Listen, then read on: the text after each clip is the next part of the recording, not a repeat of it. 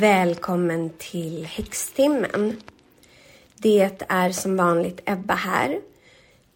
I ett tidigare avsnitt så berättade jag ju för er om varsel och föraningar. När människor känt på sig katastrofer eller hemska händelser och i vissa fall kunnat undvika dem i och med detta och i andra fall bara känt på sig vad som ska komma.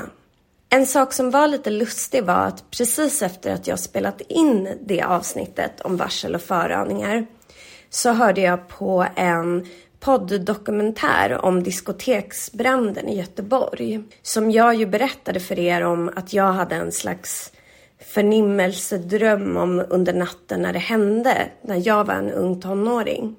I den här poddokumentären så går en reporter runt på platsen där branden skedde och han möter där en kvinna som passerar förbi. Han stannar henne och frågar om hon minns branden. Oh ja, säger hon.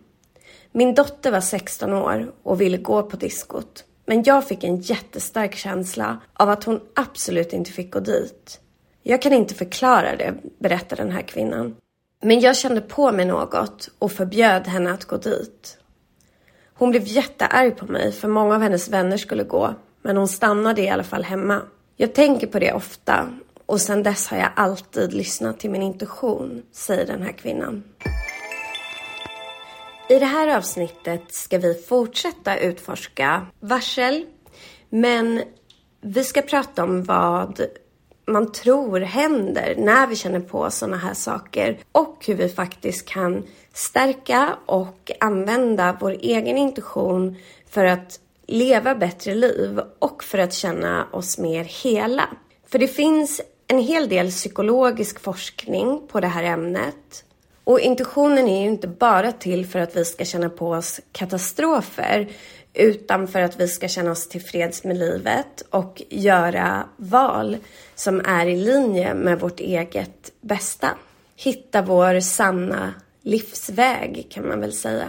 Carl Gustav Jung, en schweizisk psykiater och eh, kallas för fadern till den analytiska psykologin. Han kallade den här typen av intuition för synkronicitet. Ett begrepp som ni säkert har hört. Och jag kommer att berätta för er vad Jung och efterföljande psykiatriker anser att synkronicitet är och hur ni själva kan bli bättre på att upptäcka och känna igen synkronicitet och på att låta den vägleda er. Synkronicitet kan nämligen ses som en slags temperaturmätare på om vi är på väg åt rätt håll eller kanske då fel håll. Jag minns eh, väldigt väl en period i mitt liv när jag hade några år av livskris och den här livskrisen inleddes ganska plötsligt och dagen innan den startade så började det faktiskt med en sån här synkronistisk händelse. Jag och mitt ex, eh, som var min sambo då, vi hade haft en fest, eller middag eller någonting. Ja, födelsedagsfest var det faktiskt för mig. Och eh, han hade gått och lagt sig. Jag stannade uppe och städade lite. Klockan var väl typ tre, fyra på natten och jag hade haft såna här ballonger på festen med, eh, ja jag kommer inte ihåg vad det heter, men sån här gas som gör att de flyger i taket. Det är väl sånt som man kan eh, suga i sig på fester. Men på slutet av kvällen så hade de här ballongerna börjat sänka sig ner så alla var inte längre i taket. Men när jag står där i köket så kommer en ballong svävandes efter mig. Och jag tyckte den var lite märklig för den verkligen åkte rakt emot mig och landade vid mina fötter. Men just då noterade jag inte det så jättemycket men sen gick jag ut på balkongen och då såg jag hur ballongen började åka efter mig igen ända ut på balkongen. Till slut gick jag ut i badrummet och då, det här var en ganska stor lägenhet, så då gick man genom ja, genom köket, genom en hall och så in i badrummet och där var dessutom som en sväng, alltså väggen svängde och sådär. Så jag gick ut i badrummet och stod och tvättade ansiktet och hade badrumsdörren öppen. Och i spegeln, badrumsspegeln, så ser jag hur den här ballongen kommer svävandes runt hörnet, liksom rundar hörnet och fortsätter fram rakt emot mig och landar under mina fötter i badrummet. Det här är ju kanske ett tecken som är lite svårt att tyda, men jag tog det som att någonting nytt var på väg in i mitt liv. Jag hade inte väntat mig att det var det som skulle ske, att det skulle bli en period av ganska många kriser, eller av livskris, där jag förändrade väldigt mycket. Men grejen är att de här åren som var väldigt stökiga, de präglades av sådana här ganska märkliga och mystiska tecken och jag kan säga att de fick mig att fortsätta. För jag var tvungen att ta ganska stora beslut som kändes läskiga, som kändes som att de kanske... Mitt hjärta visste att de var rätt, men de var inte smarta ur ett logiskt perspektiv. Men i och med att jag själv i mig visste att det här var rätt och så fick jag den här typen av tecken som förstärkte för mig att det var rätt. Och de hjälpte mig att känna att jag vågade ta de här stegen. Och jag fick även uppmuntrande tecken efter att jag hade tagit sådana här steg. Så jag fick en trygghet i att följa synkroniciteten, i att jag visste att jag var på rätt väg. Även om många andra i min omgivning tyckte att jag var på fel väg. Det här var en jobbig tid, men idag är jag väldigt tacksam för de här åren. För de har tagit mig dit jag är nu, till den jag är idag.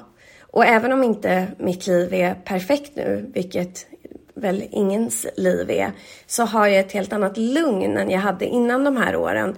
För att jag vet att jag är sann mot mig själv och jag vet att jag är på den livsvägen som jag ska vara. Och det symboliserar mycket för mig vad det är att leva ett synkronistiskt liv eller ett liv i samklang med sin egen intuition. Vi kommer gå in på det här mer och utforska synkronicitet mer och jag kommer ge er några övningar för hur ni kan göra för att vässa er intuition eller vara mer uppmärksamma på den. Men innan det så tänkte jag läsa upp några av de historier som jag har fått av er lyssnare eh, efter att jag gjorde det här avsnittet om varsel och föraningar. Jag sa ju till er att ni gärna fick skriva om ni hade egna erfarenheter till mig. Och jag har fått massa jättespännande historier. Jag kände att jag kan inte ta med alla. Jag kanske gör ett extra avsnitt till Patreon, Häxtimmen Patreon, där jag läser upp alla lyssnarhistorier jag har fått. Men till det här avsnittet så har jag valt ut två som jag tyckte var väldigt spännande. Det första kommer från en person som jag kallar för L. Hej! Jag lyssnade på ditt avsnitt om föraningar och en hel del minnen från min barndom virvlade upp till ytan. Exemplen är många. Både min far, min syster och jag själv har frekvent upplevt varsel i varierande grad. Vissa tillfällen etsar sig dock fast och jag vill dela med mig av ett sådant. Det här inträffade för länge sedan. Jag var väl ungefär sju år gammal. Min pappa skulle resa bort ett par dagar. Något som hände ganska ofta och var del av hans jobb. Men just den här gången blev jag helt galen när han skulle åka. Min mamma beskrev det senare som att jag var psykotisk. Jag gjorde allt för att hindra honom från att resa. Jag slet upp hans kläder ur resväskan, skrek och bet, slog omkring mig och försökte göra mig av med hans bilnyckel genom att kasta den i toaletten. Det hela slutade med att han faktiskt stannade hemma. Mina föräldrar blev oroliga för att jag hade blivit galen. Jag insisterade på att sova i deras säng den här natten för att säkert kunna kontrollera att ingen lämnade huset i smyg. Jag kan inte själv säga vad som orsakade det här. Det var ingen syn, ingen sanddröm. Bara en total, glasklar vetskap om att reser han nu så kommer han aldrig mer komma hem till oss. Det här var på hösten 1994. Min pappa skulle resa till Tallinn. Båten hette MS Estonia och den sjönk på sin hemresa till Stockholm med över 800 döda personer som följd. Inget kan förklara min panik innan avresan. Jag visste bara att jag måste förhindra att han åker med vilka medel som helst. Efter det här har min intuition tjänat mig väl många gånger och jag lyssnar alltid på den. Den andra berättelsen kommer från en lyssnare som heter Jessie. Min starkaste föraning hade jag när jag var i Japan. Jag var där och jobbade som skid och snowboardinstruktör på en ö som heter Hokkaido.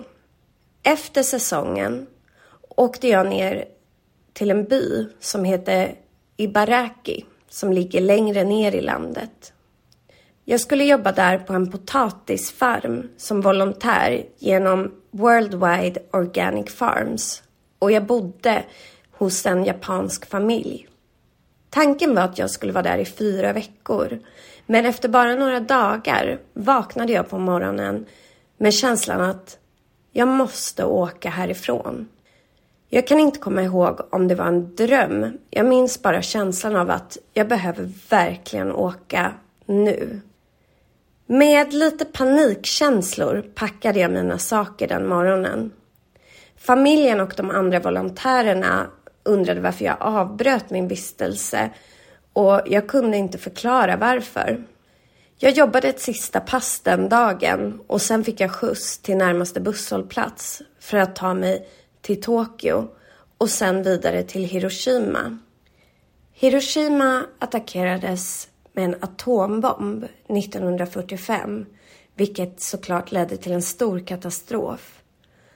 Och när jag kommit fram till staden så besökte jag ett atombombsmuseum där man beskrev vad som hänt och samlat historier från överlevande. Jag mådde så illa av det här. Jag promenerade genom museets minneslund när jag fick samtal från min stora syster och min pappa. De frågade om jag levde och hur jag mådde. Jag trodde att de hade känt av hur jag mådde efter mitt besök på museet. Men de sa, du måste titta på nyheterna.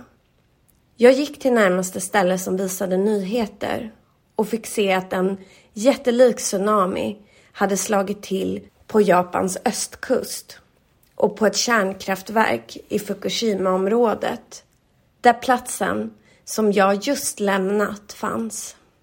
Det här var i mars 2011. Över 20 000 personer omkom i den här katastrofen.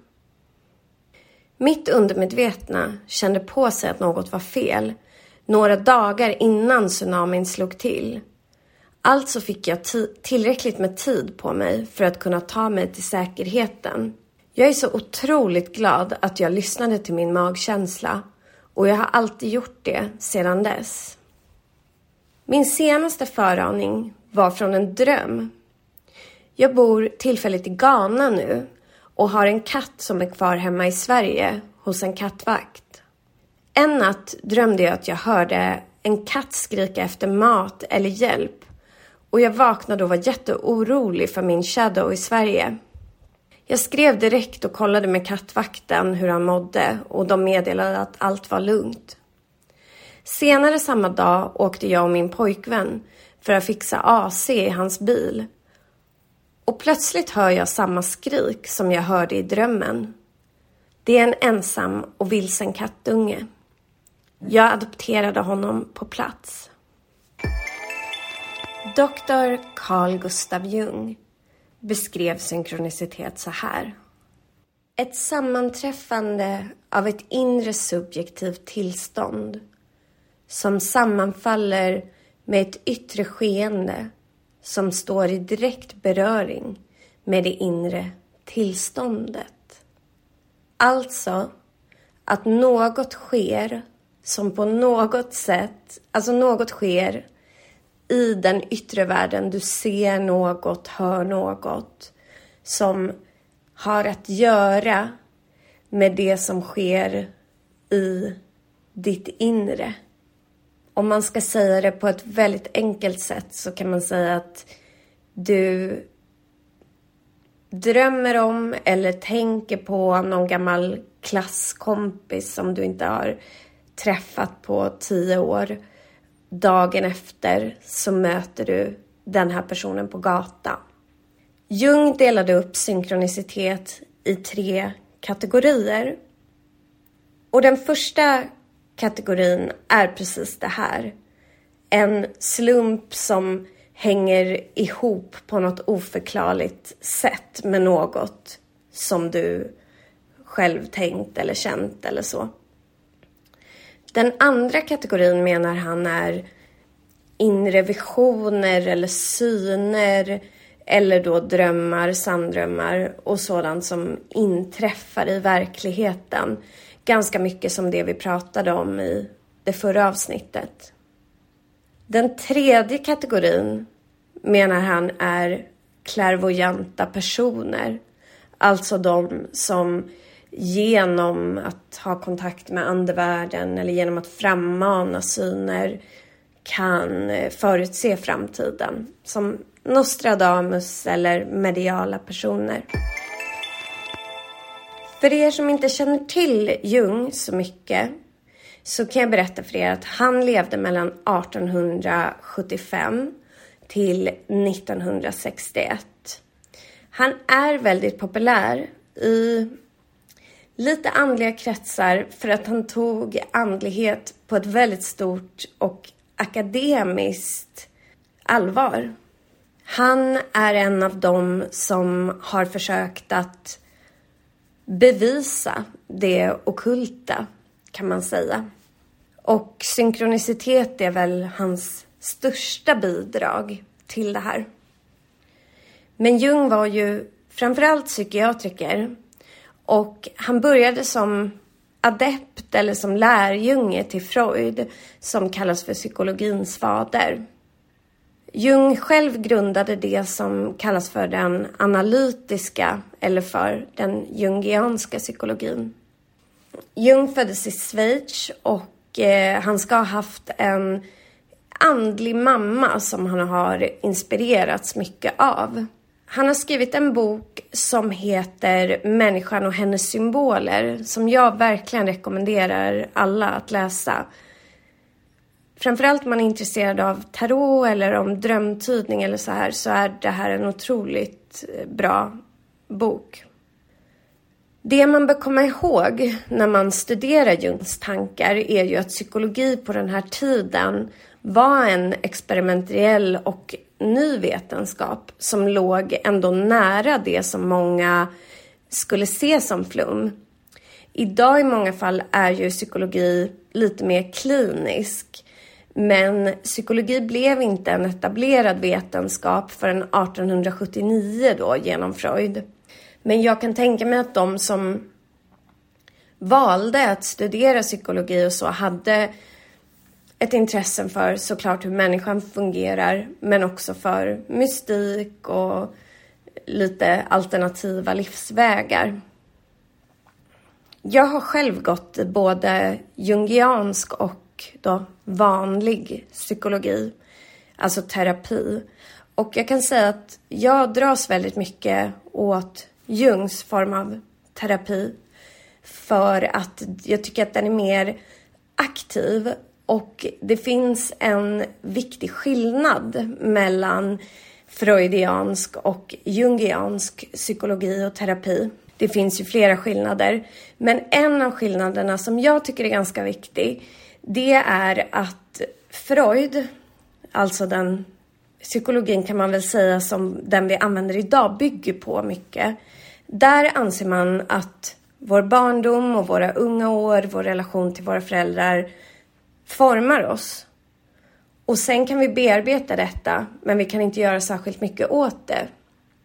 Jung däremot anser att vi absolut formas av vår barndom och våra föräldrar och så vidare. Men att vill vi förändra oss själva och bete oss eller vara på ett annat sätt, ha en annan typ av mående och förebilder och sådär, så kan vi förändra oss genom livet. Vi kan förändra vårt psyke i grunden. Vilket jag tycker känns mer hoppfullt och mer i linje med modern andlighet.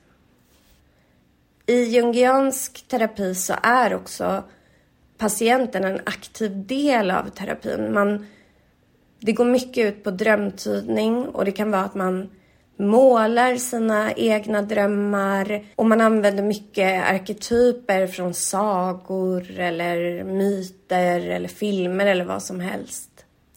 Jung studerade mängder av synkronistiska fenomen hos sina klienter och han tyckte sig kunna se att de oftast uppstod, alltså de här synkronistiska händelserna, när människor gick igenom kriser eller svårare saker.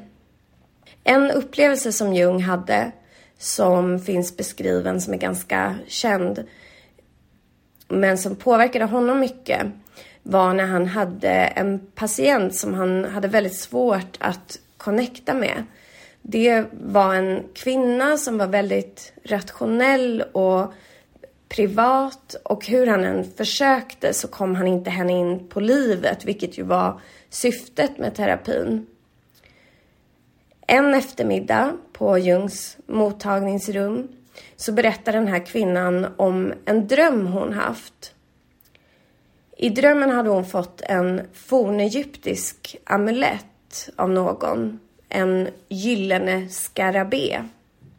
Och medan Jung sitter och lyssnar på hennes berättelse så hör han att något slår mot fönsterglaset. Så han reser sig upp och skjuter upp fönstret och in seglar en insekt som han lyckas fånga i sin hand. Det är just en skalbagge som han visar för den här kvinnan. Och hon blir alldeles förbluffad och utbrister men det ser ju precis ut som den gyllene skarabén som jag drömde om. Och nu släpper hennes gard och från det här tillfället så börjar hon att öppna upp sig i terapin. Och plötsligt kan de ha ett givande samarbete. Det var som att sammanträffandet med den här skalbaggen förstärkte hennes dröm och hennes känslor och gjorde att hon kunde ta till sig terapin. Jung tyckte att han med de här teorierna som han hade om synkronicitet kunde förklara olika parapsykologiska och övernaturliga fenomen.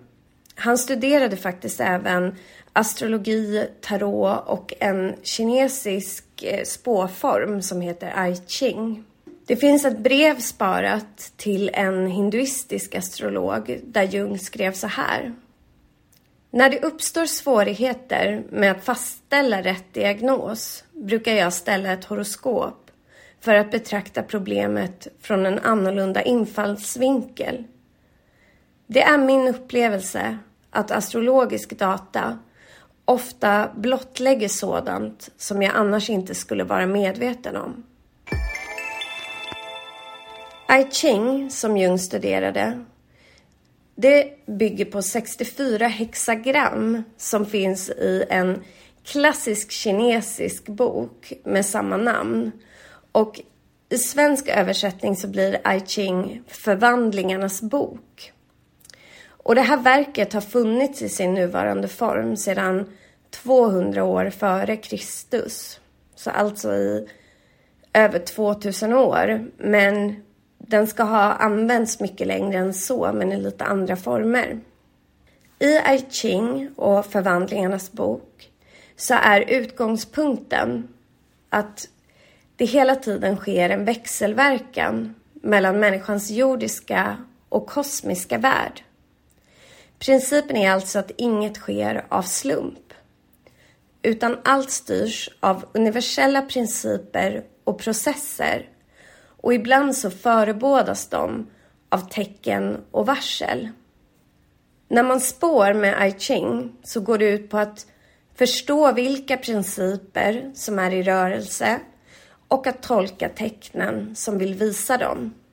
Jag tycker att det här påminner väldigt mycket om tarot som också bygger på ett system av olika arketyper. Speciellt det vi kallar för den stora arkanan eller trumfkorten. Om vi tar då döden eller de älskande som exempel så har vi ju där arketypen av död som kan vara en faktisk fysisk död eller något annat när vi kanske separerar eller gör en stor förändring och transformation i livet. De älskande som står för kärlek och att hitta någon som kompletterar oss som vi älskar. De här två arketypiska tillstånden kan ju ta sig uttryck på väldigt många olika sätt i människors liv. Men de kommer ändå från samma energi. Vi jobbar med i döden att något försvinner, något transformeras, blir något annat. Eller med kärlek när vi älskar. Det är samma energi och samma form. Men det kan se väldigt olika ut i, hos oss alla. Och det är samma sak med astrologi. Vi möter alla positiva Jupiter-transiter i våra liv när vi känner att det finns expansiv energi och vi lyckas med någonting och världen ser oss. Och vi möter också begränsande eller kvävande Saturnus-transiter. För en person kanske Saturnus som är en arketypiskt sträng och kravfylld energi kanske står för ens pappa eller mamma.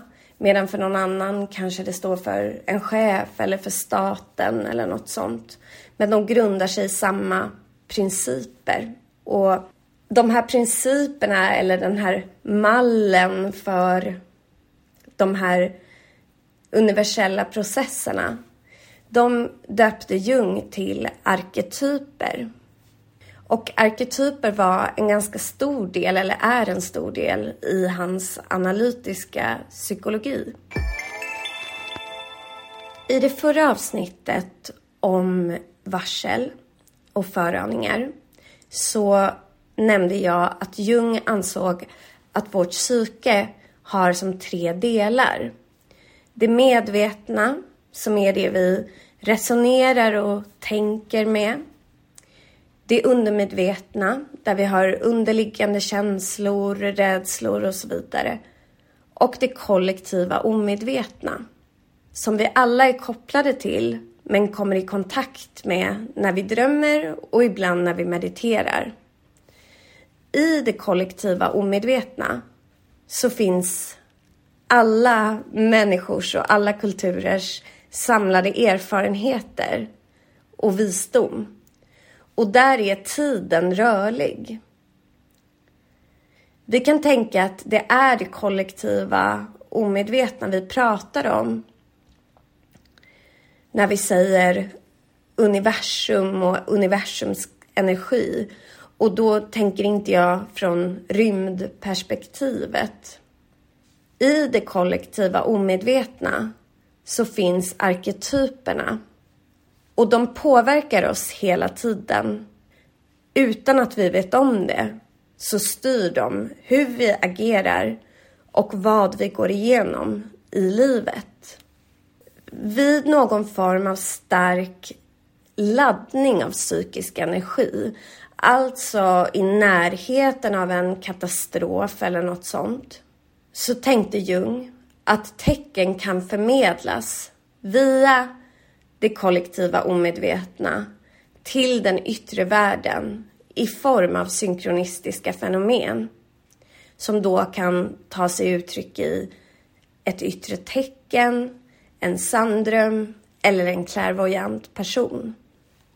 En annan känd jungiansk psykoterapeut som vidareutvecklade Jungs teorier om bland annat spåkonst hette Maria von Franz. Hon har också skrivit flera böcker. Och hon menade att all spådomskonst i princip vilar på synkronistiska principer. När vi tyder ett tarotkort eller teblad i en kopp eller så, så öppnar vi upp oss för det kollektiva omedvetna. Och hon tänker då att det är möjligt att en arketyp aktiveras under det här och därför möjliggör ett meningsfullt svar. En spännande sån här synkronistisk händelse som verkar ha skett utan att personen som upplevde den alls förstod att det var något mystiskt. Det gäller en bok, en roman som heter The Wreck of the Titan och som skrevs av författaren Ron Chernov år 1898. Den här romanen kretsar kring ett 244 meter långt fartyg vid namn Titan. I boken sjunker det här fartyget i månaden april efter att det har krockat med ett isberg i norra Atlanten. Katastrofen är ett faktum. Bland annat för att det inte finns tillräckligt med livbåtar ombord. Tycker ni att den här historien låter bekant? Ja, det gör ni såklart. Ni känner igen saker från båten Titanic som sjönk i verkligheten.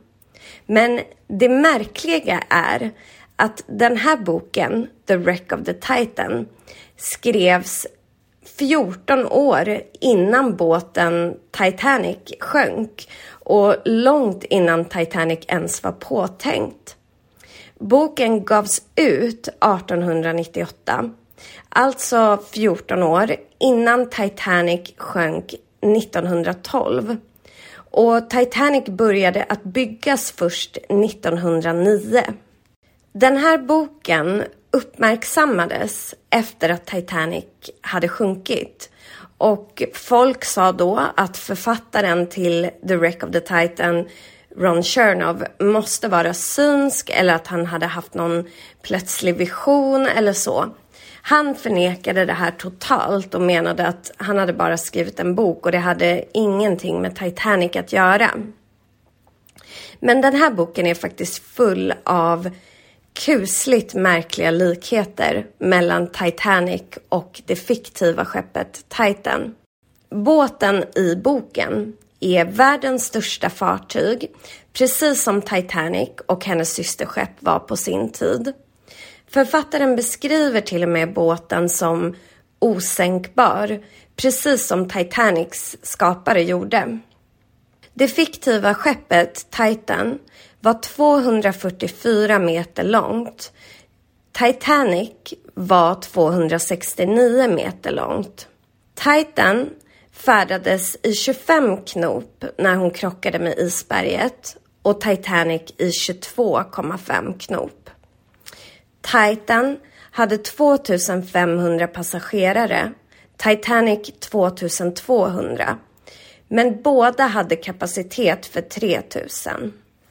Båda skeppen var brittiska och de kolliderade med isberget på sin högra eh, babordssida runt midnatt när de befann sig ungefär 400 sjömil från Newfoundland. I båda fallen skedde det här i månaden april och båda skeppen saknade tillräckligt många livbåtar vilket bidrog till den stora förlusten av liv. På Titan fanns bara 24 livbåtar och på Titanic fanns bara 20 stycken. Visst är det märkligt? Jung sökte bekräftelse för sina teorier om synkronicitet i den på hans tid nya vetenskapen kvantfysik. Här kände han nämligen att han fick en lite vetenskaplig ram för sina teorier.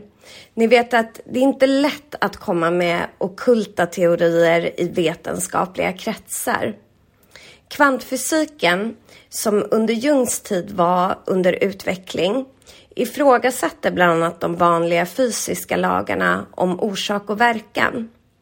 Tillsammans med en man som heter Wolfgang Pauli som var nobelpristagare i fysik och då kvantfysiker så undersökte Jung sina teorier om synkronicitet.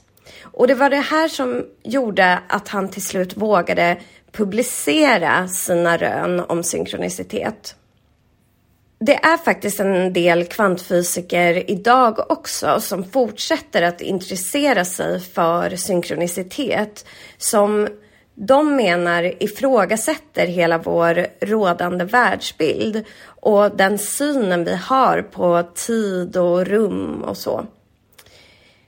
En brittisk fysiker som heter David Peat som gick bort för några år sedan menade till exempel att kvantfysiken visar att det som vi kallar för naturlagar eller verkligheten i själva verket är relativ. Han menar att vår teori om orsak och verkan måste kompletteras med det som synkroniciteten visar. Alltså att det också finns någon typ av mening och värde. Saker sker inte bara av en slump. Och det här ansåg han alltså kunna bevisa genom fysiken.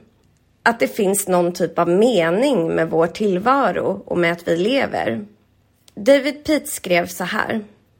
Synkroniciteten utmanar oss att bygga en bro mellan subjekt och objekt. När vi upplever synkrona händelser är vi i kontakt med det högre jaget. När vi själva lär oss att se och notera tecken och synkronicitet runt om oss så får vi själva en större tillit till vår intuition. Det blir liksom lättare att se meningen i synkronistiska händelser vilka i sin tur underlättar för oss att hitta ett syfte med våra liv. Till en början kan man tänka att synkronicitet och intuition är två olika fenomen. Synkronistiska händelser markeras ju av någonting som sker utanför oss, alltså vi ser ett tecken eller upplever ett tecken. Medan intuitionen är något som sker i vårt inre. Vi känner på oss någonting, vi får en magkänsla. Men det verkar som att de är sammanlänkade med varandra och att det är ganska svårt att säga var synkroniciteten börjar och var intentionen slutar. Alltså var den ena börjar och den andra slutar. Jag ska ge er en liten övning som jag brukar använda i mina tarotkurser som kan stärka er intuition lite. Det är ju så att när vi använder vårt intellekt, våra tankar och så, då försöker vi kontrollera tillvaron. När vi istället använder intuitionen försöker vi lyssna på tillvaron. Vad säger tillvaron oss? Du kan prova nästa gång du går ut med hunden eller barnvagnen eller på en egen promenad. Lyssna till var du ska gå istället för att bestämma väg på förhand. Var vill hunden gå? Vilket håll flyger koltrasten emot? Ska du gå efter det hållet? Vad vill den här dagen ta dig? Prova och se vad som händer. En övning som jag brukar använda i mina tarotkurser som ni kan prova både för att lära er tarot men också för att stärka er förmåga att uppmärksamma tecken runt om er och stärka er intuition tänkte jag gå igenom för er nu. Tarot är ju ett symbolspråk och varje tarotkort är fullt av symboler. Välj ett kort som du vill spendera lite tid med och lära känna. Det kan vara för att du dras till kortet på något sätt, för att du vill ha mer av kortets energi, jobba med något tema som kortet innehåller eller att du bara vill lära dig mer om det här kortet. Slå dig ner med det här kortet, titta på det, notera och memorera alla symboler du ser på det. Skriv ner dem och fundera över hur de är kopplade till det här kortets betydelse. Om vi tar S i mynt som exempel så har vi i den traditionella Wade Smith-versionen ett kort som står för en ny möjlighet, manifestation och kanske möjligheten till något som ger ökad trygghet och inkomst. På det här kortet så finns själva svitens symbol, mynt i det här fall, så vi ser ett guldmynt. Och det symboliserar det materiella eller ekonomiska, det, det som finns i den här världen och ger ett värde, alltså det fysiska. På det här myntet finns ett pentagram som är en symbol för magi. Pentagram är en uråldrig symbol, magisk symbol som också representerar alla element i harmoni. Vi ser också en trädgård på kortet, en symbol för något som växer. Vi ser röda rosor, vita liljor. De står troligtvis för universell kärlek och ren andlighet som är ingredienser i manifestation. Det här eftersom samma blommor finns på kortet Magiken, trumfkortet Magiken. Det är ju ett kort som handlar väldigt mycket om att skapa och manifestera. På Essimynt så har vi också en portal på kortet. Vilket är en symbol för en slags genomfart mellan två upplevelser. Alltså något som tar dig någonstans. Något som ta dig igenom till en annan plats. Eller en annan upplevelse eller annan energi. Spara kortets symboler i ditt minne och ha det här kortet framme med dig under en eller två veckor. Du kan ha det på nattduksbordet och titta på det på morgonen, när du vaknar eller innan du somnar på kvällen till exempel. Fundera över vad kortet betyder för dig. På dagarna när du lever ditt vanliga liv så håller du utkik efter de här symbolerna som du har noterat på kortet du valde. Nu pratar jag om exempelkortet SE-mynt och då om du skulle ha valt det här kortet så kanske du eh, ser en trädgård med en portal på, på en tavla eller när du själv går igenom en park. Du kanske ser en röd ros i en vas på jobbet eller när du går förbi en blomsteraffär. Eller så ser du kanske någon som har ett smycke med ett guldmynt på sig. Ni förstår, ni letar efter symbolerna. Och när du ser en symbol som du kan koppla till det här kortet, notera var du är någonstans. Vad känner du? Vad gör du? Är du med någon särskild person? Ringer någon särskild person stunden efter att du har sett den här symbolen? Hade du en spännande tanke precis innan du noterade den? Eller var du på väg för att göra något särskilt? Och hur kan du koppla det du själv upplever till kortets betydelse? Du behöver inte ha helt glasklara svar, men du behöver fråga dig själv och kanske få en känsla av svaret. Skriv jättegärna ner det du upplever, de symboler du ser och var du befann dig och fundera över det här under en längre tid. Det här kan du göra med hur många kort du vill och känn hur din intuition börjar väckas. Enligt Jung var synkronicitet vägen mot det han kallar individuation. En utveckling mot att bli en fulländad människa. En transformativ kraft av jaget som förverkligas och därmed genomgår en slags frigörelse. Och även om individuation är något personligt så finns det något arketypiskt i den här upplevelsen. Individuationsprocessen är något som vi kan se i tarotkortet Världen. Det sista kortet i den stora arkanan. Ett kort när allt är i balans och vi ser att världen har en mening och vi blir upplysta och frigjorda från livets subjektiva illusioner.